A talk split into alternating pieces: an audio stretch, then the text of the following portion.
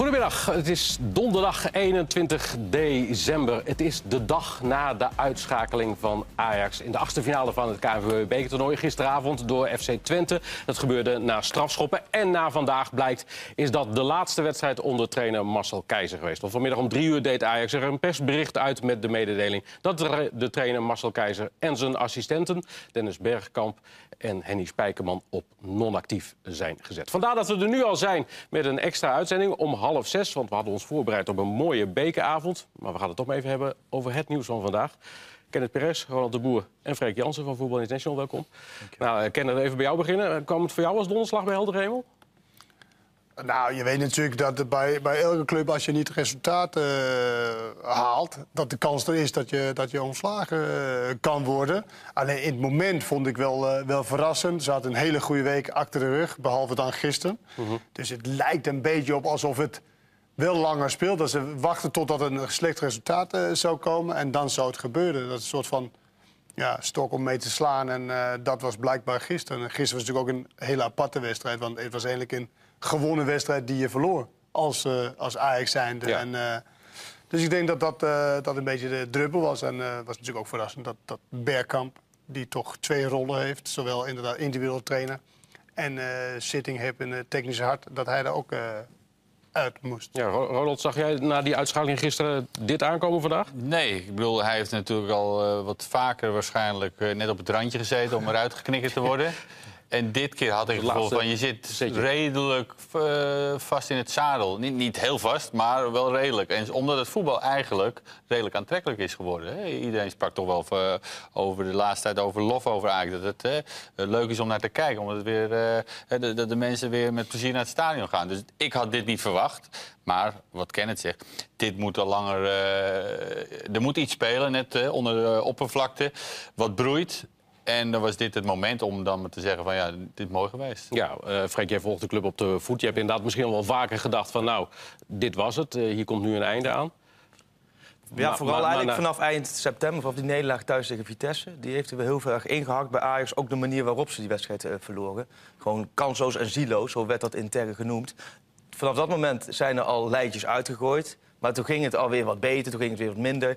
Ja, en uiteindelijk inderdaad de, de druppel of de stok om mee te slaan. Dat is het geweest. Want die week met PSV, Excelsior, AZ... dat was eigenlijk misschien wel de beste week Ja, van Ajax van het hele precies. seizoen. En nu een paar dagen later is het afgelopen. Dus het hebben puur dit moment. Maar het was voor iedereen een verrassing. Niet alleen voor ons dit moment. Ook voor de spelers en ook voor de betrokkenen zelf. Want die Freek, wie zijn, wie zijn zij eigenlijk? Wie heeft dit besluit genomen? Overmars van de Sar. De is directie. echt iets van de directie. En die RVC, ja, daar zit ook geen, eh, geen voetbaltechnische kennis meer Nee. in. Omdat Van Duivenbode daar die is. Dus dit is echt iets van Overmars en van de Sar. Maar het was natuurlijk vrij bekend dat Overmars geen voorstander was van Keizer. En eigenlijk dat hij eigenlijk Laudroep wilde eh, van de zomer.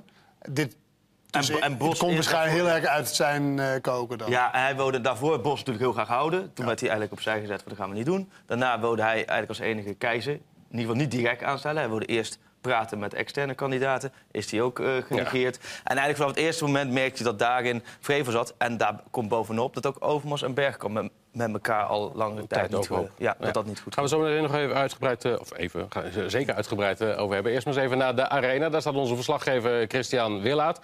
Ja, Christian, heb jij enig idee hoe ze vandaag in de ochtenduren... of misschien begin middag tot dit besluit zijn gekomen? Nou, heel precies weten we dat niet. Het eh, persbericht zegt daar ook heel erg weinig eh, over. We houden natuurlijk de arena in de gaten, voor zover dat kan. Want het is erg mistig, dat eh, zien we.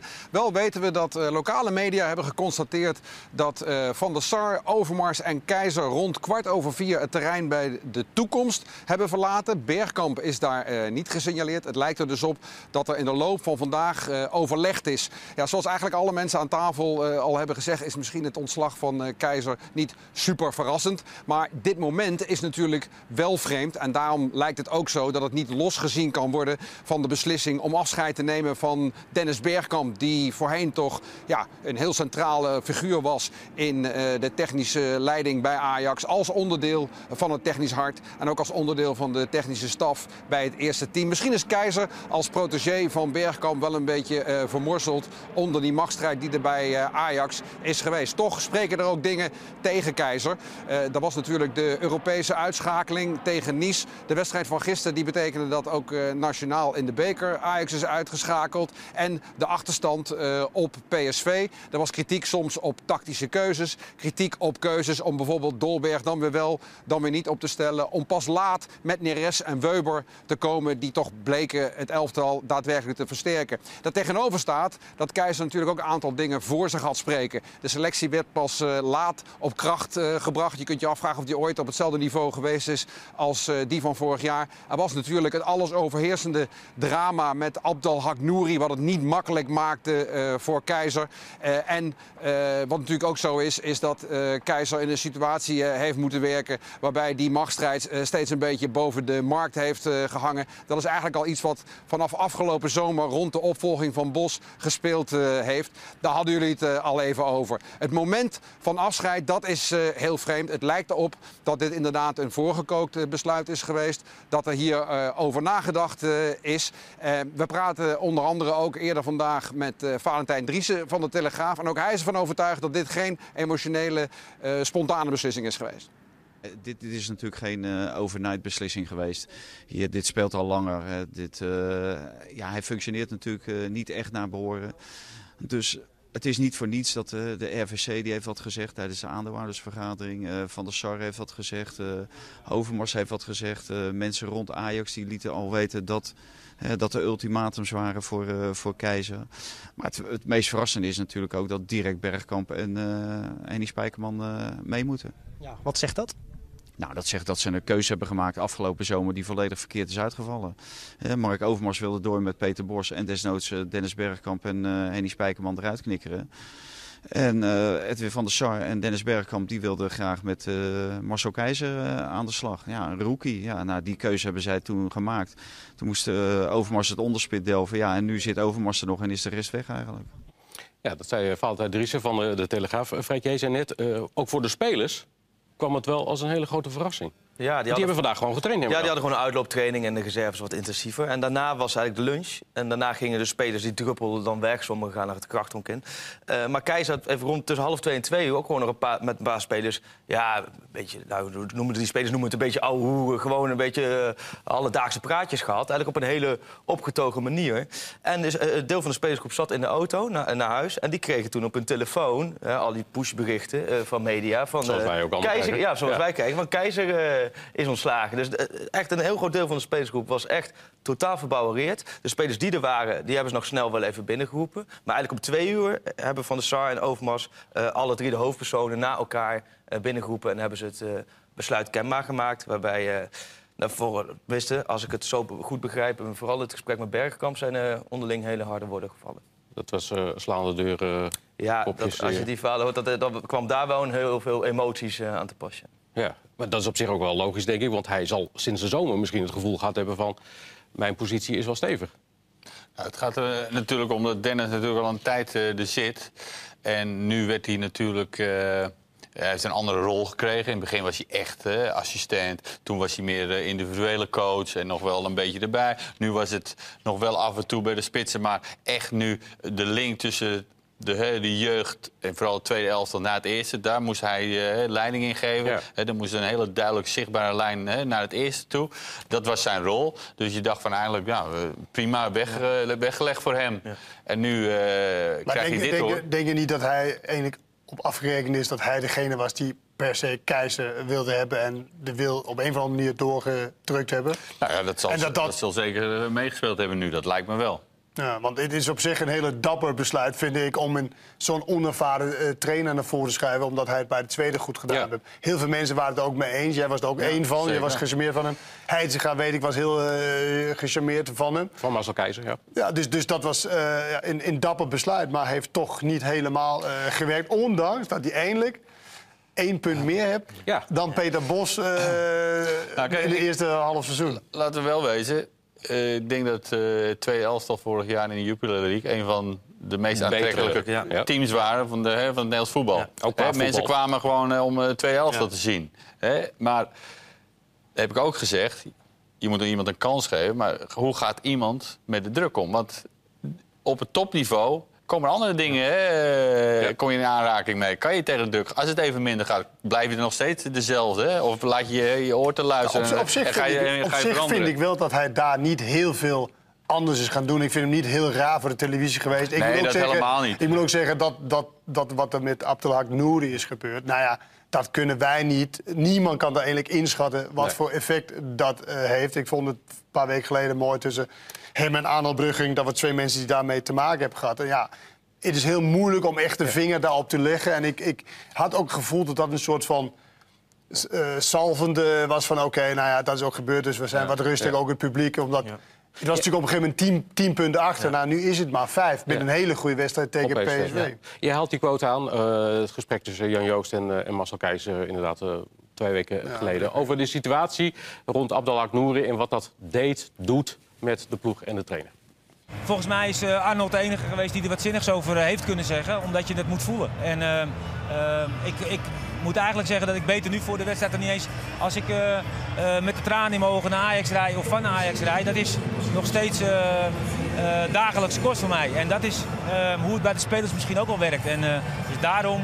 eh, blijft het heel erg moeilijk. Eh, en vind ik het, wat ik zeg, als we te veel achterkomen, ligt dat ook zeker bij onszelf. Maar dat het een zware wissel op mijn eh, team eh, trekt, dat is een ding dat zeker is. Je voelde toch? Ja. Ik voelde heel goed wat hij voelde. Ja? Ja. Nou ja, jij hebt ook de tranen in je ogen een Ja. heel lang seizoen gehad. Ja, nou, en ik, ik voel gewoon, omdat hij merkt, je merkt hoe hij een beetje ging stotteren. Dat hij toch wel dacht van, ja, hoe ga ik dit verwoorden? En ik voelde precies hetzelfde. Ja. Nog steeds. Nog steeds, hè? Ja, bizar is dat eigenlijk. Goed, Arnold heeft het meegemaakt, helaas. En helaas maakt de selectie van Ajax het ook mee. Maar we gaan zo dadelijk natuurlijk wel gewoon voetballen. Keizer heeft van alles verwoord over deze wedstrijd, dus we gaan terug naar jullie. Ja, dat was dus eh, eh, een paar weken geleden. Wij kunnen dat inderdaad ook niet bevatten. Nee. En misschien heeft het dus ook wel grote invloed gehad op zijn ontslag nu. Nou ja, indirect absoluut. Kijk, de erfenis was natuurlijk al gigantisch van, van het vertrek van Bos. Hè? Want bij Bos geen prijs, maar iedereen stond wel op de banken voor het voetbal. Hè? Daar was iedereen heel enthousiast over. Het laatste half jaar, ja. Laatste half jaar gingen natuurlijk de, de keyspelers gingen weg. Hè, met Traoré, vooral Sanchez, Ja, Klaassen. Dus in elke linie was eigenlijk de beste speler eh, vertrokken. Dus dat was al een erfenis op zich. En in zijn allereerste trainingsweek in Oostenrijk gebeurt dat, dat gigantische drama. Waar al die spelers, en een deel van de spelers heeft er nog steeds dagelijks... eh, ondervinden daar hinder van. Dus het is absoluut eh, ja, een reden waarom het, het, het moeizaam ging. Alleen, ja, op een gegeven moment heeft wel gewoon de directie gezegd... van die wisselvalligheid, daar hebben ze op ingezet. En zij hebben Ja, geen dat, meer dat, dat is, dat is wel een ding. Want zelfs En dat zeggen ze ook in het persbericht inderdaad hè, als hoofdreden. Dat die wisselvalligheid en, en dat daar maar geen eind aan komt. En dat ze niet over één nacht ijs zijn gegaan, maar dat dat nu de hoofd Maar dan moet ik het toch, eh, dat komt ook een beetje, je geeft het al aan. Er zijn jongens weggegaan. En, we, we spreken nog steeds, vind ik, dat Ajax zo ongelooflijk veel talent heeft. Maar het is wel talent. En dat is gewoon wispelturig. Daar heb je te maken. De ene keer, en hetzelfde bijvoorbeeld met Freek de Jong. Misschien heeft hij wel te lang gewacht met Freek de Jong. Want Freek heeft er waarschijnlijk gezorgd dat hij nog wat langer eh, op die, op bank zat. Ja. Ja. Maar ik, ik weet bijna zeker dat hij hem eigenlijk eerder wilde opstellen. En dat heeft hij dan misschien toch niet gedaan. Want? Nou ja, ook durf. Durf, hè? eh, je hebt een bepaalde hiërarchie in de groep. En eh, ja, hè, misschien denk je, ja, Frenkie is ook nog wel dit, hè? Maar als je dan, ja, oké, maar als je dan eh, de eerste paar wedstrijden verliest en daarna blijf je toch volharden en daarna gaat het wel. Maar dat is wel eh, lastig hè, om dat eh, te durven. Hè? Maar, maar, maar, dan, Ajax. maar dan zeg je lastig, hè? Maar het is gewoon lastig natuurlijk om hoofdtrainer te zijn van een van de grote Dat clubs. is- dat is maar daar vak. ben je voor aangesteld Precies. om dan die keuze te maken. van, Oké, weet je wat allemaal zeggen? Wat kan mij? Ik ga hiervoor en dan ga, daar sta ik voor. Dan maar met de billen bloot. Maar ik vind bij hem, als we het over de sportieve hebben... Ik, ik, eh, kijk, als je tien punten achter staat, op een gegeven moment is het natuurlijk echt heel veel. Maar ik vind vooral zijn wissels over het algemeen heel Nou, ongelukkig nog was jij daar uitgebracht. toch zeer gisteren was verbaasd een over. zeer ongelukkige. Hij vond vanzelf van niet na de wedstrijd. Hij vond dat dat geen, eh, geen reden was. Maar dat was een goed voorbeeld, vond ik. Dat hij twee posities ging wisselen in plaats van één. De, de, de tweede wissel wat hij maakte was eigenlijk de eerste wat hij had moeten maken. Mhm. Nou, Siem de Jong viel, dat kan je misschien niet hem kwalijk nemen, viel zeer ongelukkig in. Maar nou, dan Donny van der Beek naar achter moeten, was ook niet gelukkig. En dat is niet de enige wedstrijd namelijk. Want er zijn natuurlijk meerdere Ja, dingen bij de heer Van we. We, hebben nog de uitleg van, eh, van Marcel Keizer gisteren na de wedstrijd inderdaad over de wissels die hij Ja, toepaste die tegen Twente. Die hebben we, tenminste, als we hem gevonden hebben. Donny kwam eigenlijk op de positie van Frenkie daardoor. En Siem kwam daar op het middenveld eh, dan bij. Ehm, en toen was er denk ik nog een minuut of 15 te spelen of zo, of 10. En toen hebben we Orguela erbij gezet. Eh, en kon Donny weer naar het middenveld omdat Joel dan eh, centraal kwam. Ja, we zijn eh, in verdediging moeten we af en toe even sleutelen. Maar het was niet, eh, eh, daar was niks aan de hand. Ik- volgens mij is er een regel. Met, als je wisselt, dan moet je het op zo weinig, moe- m- weinig doen, zeg maar. Dus, want Weinig nu veranderen. haalt hij eh, veranderen. Dus hij, eh, Donny van der Beek gaat naar achter. Dus een andere achterhoede, een andere middenveld. Ja. Als hij de eerste of de tweede wissel als eerste had gedaan... dan was alleen maar, Veldman vandaag die ook- achterin was dan ik, eh, ik las centraal vandaag ook nog dat ze niet niet fit waren en ziekig waren. Dat dat mee had gespeeld. Ja, Frenkie de Voor Jong, de wissel wel. Precies, Ja. Frenkie de Ja, ja. Jong die, die was ziek, dus die moest eraf. Maar dat, dat gaf eigenlijk de reden dat je op dat moment Orguela kon brengen. En dan had je alleen Veldman één plekje Ja. naar binnen moeten Ja. zetten. Dus daar, maar dat had ik hem na de afloop vroeg de keizer ook. En ik had het gevoel dat hij dat helemaal niet zo... eh, Nou, hij vond het waarschijnlijk dat, dat Donny... al- Hè, je Ja. speelde in principe al met een man minder Ja. door, hè, in het centrum. Omdat je met Frenkie, hè, die ook overal naartoe loopt. Dus hij vond dat prima staan. Dus, en Donny zou dat ook in principe kunnen. Dus Donny van hij, Beek, ja. Donny van der. Dus hij ziet daar niet zoveel eh, verschil in. Ik denk alleen... En dat is dit seizoen wel heel vaak gebleken. Dat Ajax niet op een bepaald moment een bepaalde rust in het team creëert. Van we gaan nu een soort, eh, ik noem maar wat, een rondootje spelen. We halen het balbezit. En we laten Twente helemaal gek lo- eh, lopen. En dat hebben ze nooit gehad. Ja, dat kwam nu ook met Siem de Jong natuurlijk. Die eh, dramatisch inviel. Ik weet nog net voor het moment dat, eh, dat, eh, dat hij een bal op het middenveld. Die kan hij rustig aannemen. Dan had je waarschijnlijk Ja. eh, drie eh, tegen twee gehad of zo. En hij kopt hem zomaar naar de tegenpartij. En daar kwam die 1-1 En daar uit. kwam die Ja, 1-1 ja. uit. Ja. En dan verwacht je toch van Siem de Jong met zoveel ervaring. Hè? Want die is een van de oudste. Van, ja, die moet wat rust brengen. Ik zou dan ook denken, nou, die jongen die, eh, die snapt het wel. Hij Ja. vond ook wel de- En, ik bedoel, misschien zit hij gewoon... eh, ja, hij kwam misschien, eh, misschien is het geen invallen, ik weet het ook niet. Hè? Maar dat heeft hij ook wel, bijvoorbeeld, wel laten zien bijvoorbeeld bij PSV. Ja.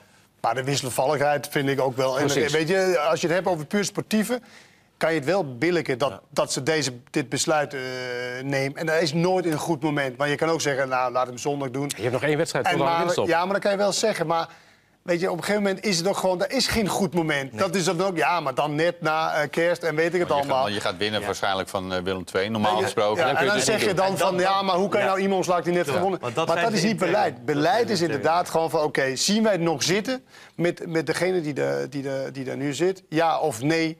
En niet op basis van een uitslag of binnenkant buitenkant. respecteren. hè? Dit is precies wat, eh, wat Kent zegt. Dat kreeg ik net ook door vanuit binnen Ajax. Van, ze hadden de keuze kunnen maken. Oké, maar ja, stel PSV Vitesse wordt gelijk en Ajax wint met 4-0 van Willem II. Dan eh, kan de Hosanna zijn van het is maar drie punten. Maar dan nog hebben ze gewoon inderdaad niet het gevoel dat dit... En uiteindelijk hebben ze als stip aan de horizon terug als Europese, eh, Europese topclub. En hebben ze niet vertrouwen dat Kees dat voor Die stip hebben ze... Die dit- stip hebben ze, die spraken ze vandaag opnieuw uit. Ja, die Dat- stip- dat geloof ik echt niet. Die kun je doorstippen bij Ah, doorstrepen bij doorstrepen, ja. Bij de daar. Europese top. Nee, nou ja, goed. Het, het avontuur wat ze afgelopen seizoen hebben beleefd. Dat ze in ieder geval incidenteel over, overwinteren en in ieder geval weer een rol van Maar ik, ik vind toch, eh, ik heb toch wel respect voor deze beslissing. Hè, ondanks dat ik eh, het echt sneu van Keizer vind. Want ik denk nog steeds, hè, want eh, hè, vorig jaar, het voorbeeld heb ik wel eens geschreven. Kijk naar eh, Gio. Eh, zeven wedstrijden achter elkaar verloren van Ja, Broncos. laten zitten. En, laten zitten en die wordt kampioen. Dus je, je kan het nooit zeggen van hoe het gaat verlopen. Maar heel veel mensen zeggen het is chaos bij Ajax. Maar ik vind het juist op bestuurlijk niveau dat het eigenlijk best wel rustig is. Hoor. Het zijn geen, er lopen niet mensen te Nee. schreeuwen. Het is juist deze beslissing, eh, ook al hoe je, hoe je erover denkt. Ik, eh, ik vind het wel respectvol en, durf, en gedurfd. Ja, maar we hebben dan begin van de uitzending het ook al een paar keer gehad over die machtsverhoudingen. Afgelopen zomer, toen Keizer werd, werd aangesteld. Met name omdat Mark Overmars eh, zei van, nou ja, ik, ik ga liever door eh, eh, met Keizer. Nee, die wilde juist een andere trainer, zo was het inderdaad. Eh, en Bergkamp wilde juist door eh, met Keizer. Dat heeft Van der Sar toen overgenomen. Eh, Christian, jij bent nog steeds bij eh, de Arena. Die machtsstrijd, eh, zei je al, speelt een belangrijke rol. Is het hele seizoen eigenlijk eh, al doorgegaan. Dat zal nu niet minder worden, die machtsstrijd, of wel?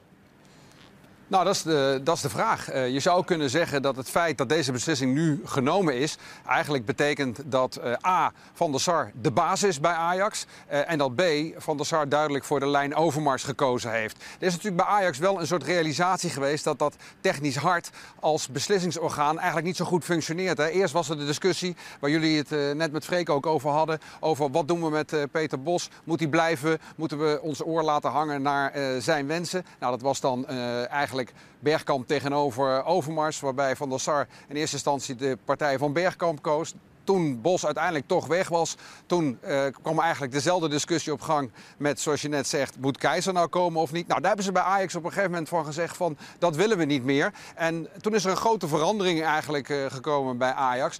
Dat eh, technisch hart, wat als zo belangrijk gezien wordt en in de ogen van veel mensen nog steeds heel belangrijk is, werd eigenlijk in een persbericht gedegradeerd tot adviesorgaan. En in een voetnoot in dat persbericht vertelt Van der Sar dat hij als algemeen directeur eh, uiteindelijk de beslissingen neemt. Hij was 22 oktober te gast bij eh, de tafel van Kees. Zei hij dat ook nog een keer. Hartstikke goed, zo'n eh, orgaan. Maar dan wel als advies. En de algemeen directeur, ja, die moet dan uiteindelijk de beslissing nemen. Dat klinkt als een bijzin, maar eigenlijk is dat natuurlijk heel belangrijk. Want met steun van de Raad van Commissarissen heeft Van der Sar duidelijk de macht bij Ajax naar zich toe getrokken. En dat heeft hij hiermee bewezen. Ja, hij heeft nu deze knoop eh, doorgehakt samen met Overmars. Je moet nu ook constateren dat ze dus falikant de verkeerde beslissing hebben genomen afgelopen zomer. Ja, dat is... Ja, achteraf is het natuurlijk wel zo. Ja. Ik- kijk, ik denk dat, eh, dat het moment dat eh, Bos natuurlijk... die wilde ook heel veel naar zich toe trekken. En, en, en trainen is een passant. Dus ik dacht dat, dat ze ook wel het gevoel hadden van... ja, we geven hem anders wel heel veel macht. En eh, we willen misschien eh, dat niet in, eh, hoe heet het, eh, kwijtraken in onze handen. Dus ik begreep de, die keuze nog wel. En Kenneth zei ook, als je voor een trainer dan 5 miljoen kan krijgen... hè? Nou, zeker. Voor, Ja. voor de uitzending heb ik gezegd. Ja, nee, Als je oké, 5 maar miljoen krijgt voor een trainer, ja, dan. Ja. Nou ja, en, en je, en je Maar goed, het was, het was meer dan alleen maar die, dat geld. Het was ook een principiële keuze. Ja, maar het is ook niet erg. Weet je. je, je kan op een gegeven moment ga je uit elkaar, om welke reden dan ook. Maar dan is het natuurlijk, wie volgt hem op? Dat, de, de fout is natuurlijk, achteraf natuurlijk altijd, is nu geweest... dat ze, in, nu wordt het natuurlijk een onervaren trainer. Iemand die alleen maar Cambuur en nog iets eh, had getraind. En het tweede van, eh, van, is een groot risico. Maar Ja. ik had wel bewondering voor dat je zo'n beslissing durft te nemen. Zeker bij zo'n, zo'n eh, in Nederland een grote club. Ja. Nou ja, ja, dat is dus helaas eh ik, verkeerd vind dat wel, sorry, dat ik van dat risico, als je daarachter staat, moet je het gewoon nemen. Want er zijn genoeg voorbeelden dat het wel is gelukt. En, Laten we nog even kijken wat eh, Dennis Bergkamp eh, van de zomer zei over de trainer Marcel Keizer toen hij aangesteld eh, werd. Marcel heeft het bij Jong Ajax eh, gedaan zoals bij ons profiel van een hoofdtrainer past. De hand van de coach was zichtbaar. We hebben ook andere namen besproken, maar we waren het eens dat, Marcel zou, dat we Marcel zouden doorschuiven. Ervaring bij Ajax vind ik belangrijker dan ervaring bij andere clubs. Bij spelers en bij trainers. Inhoudelijk heb ik het volste vertrouwen. Op het gebied van druk en verantwoordelijkheid zou je het een gok kunnen noemen. Of mensen dat aankunnen, daar kom je op één plek achter. Dat is in de praktijk. Dat klopt. En dat is Dit is natuurlijk ook vaker voorkomen bij Ajax. Van Gaal was volgens mij ook een, een trainer van de tweede elftal. werd ook eh, doorgeschoven. Frank, eh, natuurlijk. Frank de Boer. Dus het is niet heel... Alleen, hij had natuurlijk wel de, dat hij alleen bij Cambuur... Ja. en bij... eh, wat was de andere club? Ook in eh, Telstar, ja. Telstar, weet je. Ja, nou, meer dan mijn broer. Nee, maar die had dat, toch helemaal maar dat is precies die praktijk, dat zegt het. Want ze hebben die, die zomerstop heeft natuurlijk Ajax gezegd... Het, is, het was absoluut niet de lijn Bos afgelopen seizoen. Het was de lijn Ajax. Dat proberen ze ook Nee. iedereen wijs te maken. Alleen dat zou dus de toekomst uitwijzen. Maar Dat Mark Overmars noemde toen uh, Laudroep volgens mij. eh, dat, dat, dat was, eh, eh, uiteindelijk hebben ze dus gekozen voor wat, wat Bergkamp wilde. En uiteindelijk heeft Van der Staat daarmee ingestemd. Eh, nu gooit hij Bergkamp eruit, Spijkerman en Keizer eruit. En dan gaan er wel, denk ik nog wel meer domino-effecten te weten. Aaron Winter zit er nog wel gewoon steeds. Die zitten, zitten nog wel. Maar ik denk vooral, laten we zeggen, dat technisch hard... dat bestond natuurlijk als Said Ouali als de hoofdjeugdbeleiding. En dat was wel echt met Bergkamp. Die waren wel echt één. Ja. En zo zijn er meerdere die weer bij die stroming Maar wat zegt dit over de positie van Van der Sar? Dus, nou, dat hij dat die machtig is. En Overmars natuurlijk ook een stuk machtig is. En, hoe geloofwaardig nog? nou ja, Maar ik waarom- vind dat waar- zij... Hoe bedoel je, wat bedoel je daarmee? Nou ja, als je van de zomer deze keuze maakt. En je kiest voor Bergkamp. Ja. En je kiest voor de trainer die Bergkamp wil. En je bent nu eh, nog geen zes maanden Dus verder. jij, vindt, dus jij vindt als je een verkeerde inschatting hebt gemaakt eh, als besluitnemer... dan moet je ook gelijk je consequenties trekken en moet als, je je, ook als je directeur van een groot bedrijf Ja, bent, ja, een voetbalbedrijf, Ja, ja. Maar dan moet je wel je ja, helemaal niet mee eens. Het, Nee, vind ik ook niet. het is ook wel, ze hebben daarvoor gesorteerd natuurlijk... door twee maanden geleden eigenlijk het technisch hard eh, op te heffen. Daarmee heeft eigenlijk Van der Zaal aangegeven dat het qua de hele bedoeling en vergadercultuur... dat dat niet liep. En dat, dat los te koppelen door Overmars en, en eigenlijk Overmars en Van der Sar daar los van te maken. Ja. En technisch, of de technisch hard was puur Dennis Bergkamps clubje. Dus dat kun je nu helemaal wegdenken. Dus ik denk dat daarom, daarmee heeft Van der Sar eigenlijk al een signaal aangegeven... van we hadden het hier gewoon niet goed voor elkaar. Nee. En nu je gewoon Overmars, voetbaltechnische man... ik, algemene man, wij met z'n tweeën gaan we, gaan we doen.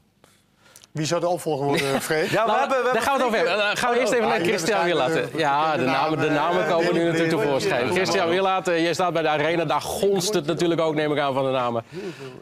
Ja, zeker. Eh, er wordt heel veel gefluisterd. Fijn dat jullie nog even terugkomen. Dan sta ik hier niet eh, voor niks eh, in die kou. In ieder geval weten we dus dat Reiziger eh, zondag op de bank zal zitten tegen Willem II. Maar dat eh, lijkt een tijdelijke oplossing. Het rare moment van het ontslag, ja, daarvan zou je kunnen denken... zouden ze dan misschien al een trainer in gedachten hebben? Er zijn natuurlijk eh, een aantal verschillende mogelijkheden. Hier en daar wordt eh, gezegd... Peter Bos zou weer terug kunnen komen. Of zelfs Frank de Boer zou weer terug kunnen komen. Nou, vaak is zo'n snelle terugkeer niet succesvol. En dat zal Ajax ook weten. En je moet je ook afvragen of eh, Peter Bos en Frank de Boer dat zouden willen. Een andere optie is de internationale optie. Hè, waar Overmars eigenlijk naar neigde afgelopen zomer. Toen hij de naam Laudroep noemde. Inmiddels is ook iemand als Tuchel van Dortmund vorig jaar beschikbaar. Misschien is dat wel een hele interessante en spannende optie. En de derde optie is een Nederlandse trainer die eh, nu nog bij een andere eh, club werkt. Bijvoorbeeld Erik ten Hag of eh, John van Schip. Die alle twee indruk maken in de eredivisie.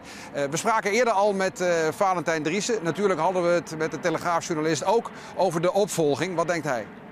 Het heeft geen enkele zin om het alternatief nu te presenteren. Want die moet waarschijnlijk zelf ook nog een wedstrijd spelen tot de winterstop. Want we denken bijvoorbeeld aan John van Schip of aan Erik ten Hag van SC Utrecht. Dus dat heeft geen enkele zin. Die komt toch niet. Dus dan kan je beter met een interim duo eh, eh, de eerste seizoenshelft afmaken. En dan eh, de nieuwe man vanaf januari aan de slag laten gaan met, met de spelers. Ja, denk jij echt dat het een strijd gaat worden tussen of John van het Schip of Ten Hag als nieuwe trainer voor Ajax? Nou, zover ben ik nog niet, omdat ik dat nog niet weet. Maar dit zijn wel twee mensen die in aanmerking komen. Hè. Ten Hag is eigenlijk een beetje de kroonprins van het Nederlandse trainerschilde. Niet echt een Ajax-trainer qua systemen, maar het is wel iemand die heel flexibel is. En wat ze ook mooi van hem vinden is eh, zijn wissels en dergelijke. Nou, daar viel bij Keizer natuurlijk verschrikkelijk veel op aan te merken. Gisteren ook natuurlijk weer bij SV Twente. Eh, aan de andere kant heb je John van het Schip, die nu inmiddels gelouterd is. eh, bij PEC heel erg goed doet. Ajax voetbal speelt. Uit de club eh, komt. internationaal rond heeft gekeken. Heeft in Australië rondgekeken. Mexico. Is onderdeel geweest van de City Group. Hè. Hij heeft, heeft daar veel betekend. Er wordt met heel veel respect over John van het Schip gesproken bij Manchester City. Dus ja, dat, dat zou ook kunnen. Ja, een, van die twee. Ja, en dan heb je natuurlijk een paar usual suspects. Want je kan ook zeggen, Bergkamp eruit, Spijkerman eruit, ehm eh, Keizer weg. Dus dat uh, plafijt weg voor uh, een terugkeer van uh, Peter Bos. Ik denk niet dat dat zover zou komen. Nou, Ronald Koeman is natuurlijk vrij. Er zijn heel veel of, uh, trainers ook vrij. Daarin kan je het ook zoeken. Maar ja, ik, ik denk dat ze, dat ze toch iemand zoeken zoals Van Schip of Ten Hag. En bijvoorbeeld een Tuchel, waarvan ook stemmen opgingen in afgelopen zomer toen ze een trainer zochten? Ja, nou dat geloof ik niet. Ik geloof niet dat Ajax een Duitser aan gaat trekken. Uh, de, met de Younes is al geen groot succes. Dat is dan weliswaar een Duitse speler, maar nee, die gaan echt niet met een Duitser op de proppen komen. En, uh, en wat heeft Tuchel gepresteerd dan? Bij, bij Dortmund, die heeft het leuk meegedaan, maar die heeft nog nooit een prijs gewonnen. Dus nee, dat kan ik me niet voorstellen. Nee, geen Tuchel als het aan Valentijn Driessen ligt. Zondag dus inderdaad uh, Reiziger en Bogarde samen op de bank. Dat maakte Ajax trouwens een paar uur bekend nadat het ontslag bekend was gemaakt. Dus eigenlijk ook wel opvallend dat ze ja. niet al gelijk gedaan hebben, maar goed. Maar ja, roep maar. nou ja, de, de, namen die je hoorde was Laudroep van de zomer. Ja. Als het Marcel Keijs niet was, dat was de van Mark Overmars. Zou Overmars nu zeggen, ja, dat gaan we dus nu doen? Dat zou zomaar kunnen, dat hij nu wel zijn zin uh, ja. krijgt. Zo van, uh, nou, we hebben dat nu geprobeerd, nu, nu ben nu ik aan de, aan de, beurt. Zit hij nog in uh, Doha? Nee, volgens mij is hij vrij uh, Laudroep. Nou, weet ik niet. Dat zou ik eigenlijk moeten weten als denk. Maar, ja, in Doha. zeg het, het is jouw land. Nee, ik weet bijna zeker dat hij in Doha Oké. Okay. Dus, ah, ja, dat is hem weg. Sorry? Dan koop je hem weg. Oh ja, nee, natuurlijk. Ja. Ja, we hebben een rondje gemaakt uh, al snel langs de, de geëikte namen. Of ze wat wist. Nou, Ronald Koeman, uh, die wist inderdaad van niks. Die gaf ook al aan dat hij uh, liefst dit seizoen niks zou willen doen. Nou ja, die, die sorteert voor natuurlijk op het bondscoachschap. nou, Frank wist van niks. dus gaat weg. Nou, Peter, Bos, Peter Bos zei vanochtend... Zegt hij ook tegen jou? Ja. Ja, hij, hij, wordt trouwens, uh, zojuist een tweet volgens mij van Sky of zo. Hij wordt nu genoemd bij Swansea. Ja, maar die roepen uh, iedereen. Uh, die hebben Van Gaal geroepen, die hebben... Ik weet niet, genoeg ja. mensen, dus dat zegt helemaal niks. Zou, zou, zou het verstandig zijn... kijk, dit is die tweet inderdaad. Breaking, ja. Frank de Boer. Als... Wel een goede foto. Ja, lekker foto. ja. Hij dacht aan Swansea en toen keek hij zo. nee, zou het goed zijn als hij weer terug gaat naar Ajax? Is het verstandig? Dat, nee, ik dat niet- bedoel je Frank de Boer en Peter Bos. Neem Bos even gelijk Ik mee, bedoel, dat- eh, Ik, ik, ik, zeg- ik weet niet of Frank dat überhaupt eh, ambieert. Want dat hier heeft hij nooit bij stilgestaan. Ik Ik weet alleen dat Frank eh, hoopte voor, eh, voor Keizer zelf dat hij het eh, goed zou doen. Dat weet ik alleen. Nee. Maar is het überhaupt verstandig voor Frank of voor Peter Bos om weer terug te gaan? Nou, Peter Bos is nog is de mooiste club van... eh, nou, niet Ja. de mooiste club. eh, Het is de, een van de grootste clubs van Nederland. Misschien wel de grootste club. Eh, wil je, en je vindt het vak leuk, ja, waarom niet? En Peter Bos blijft wel heel interessant. Want de mensen waarmee hij niet verder wilde, Ja, zijn die zijn nu weg. Het gaat denk ik dan meer om een ego-kwestie van de Sar en Bos. Want dat is, het laatste half jaar is een beetje modder naar elkaar gegooid. Maar Overmars, ja, die heeft een jaar lang perfect met Bos eh, kunnen werken. Dus die is, die is groot fan van, eh, van Bos. Dus die naam die wordt, wordt volop genoemd. Ja, en een andere naam die ook omhoog is gekomen, dat is Louis van Gaal. En ja, dat maakt het ook wel interessant. Dus vooral de vraag, denk ik, zou hij het willen om, Ja. om erin te stappen? Maar goed, we hebben ook nog eh, een Ten Hag. We hebben ook nog... eh, Van Schip had ook Schip. nog niks, niks gehoord, in ieder geval tot, eh, tot een uur geleden. Nou, dat kan snel gaan. Dat is waar, alleen je denkt omdat je Bergkamp en Spijkerman ook gelijk aan de kant zet. en het is de voetballerij, moet je niet naïef zijn. Er zal hoogstwaarschijnlijk gewoon al een lijntje liggen met, met een bepaald Ja. Ken je het? Als je één naam zou moeten noemen, wie zou je nemen als Ajax zijnde? Ik zou echt. Ik zou Laudrup nemen. Weet ik veel. Dat is toch echt. eh, Weet je, je hebt, nu, je, hebt, je nu even een paar weken de tijd om, eh, om dat een beetje. eh, ja, ook wat voor profiel. Je moet nu wel een profiel. Want kijk, ze hebben nu geprobeerd met een zeer onervaren trainer. Nou, ga je dat weer doen? Ga je weer misschien binnen de club doorschuiven? Of, of ga je echt in, in ervaren trainer proberen? Haal je iemand terug die je al hebt gehad, zoals Frank de Boer of Peter Bos? Nou ja, dat zijn, eh, dat zijn wel eh, vragen wat, wat ze zelf moeten vragen. Wat- Oké, wat willen we precies? Wat voor profiel willen we hebben? nou, en daar iemand eh, uitzoeken. En, Dat is in ieder geval voor een ervaren coach. Dat kan niet anders. Je kan niet nog een keer een eh, gokje nemen. Nee, dat is wel helder.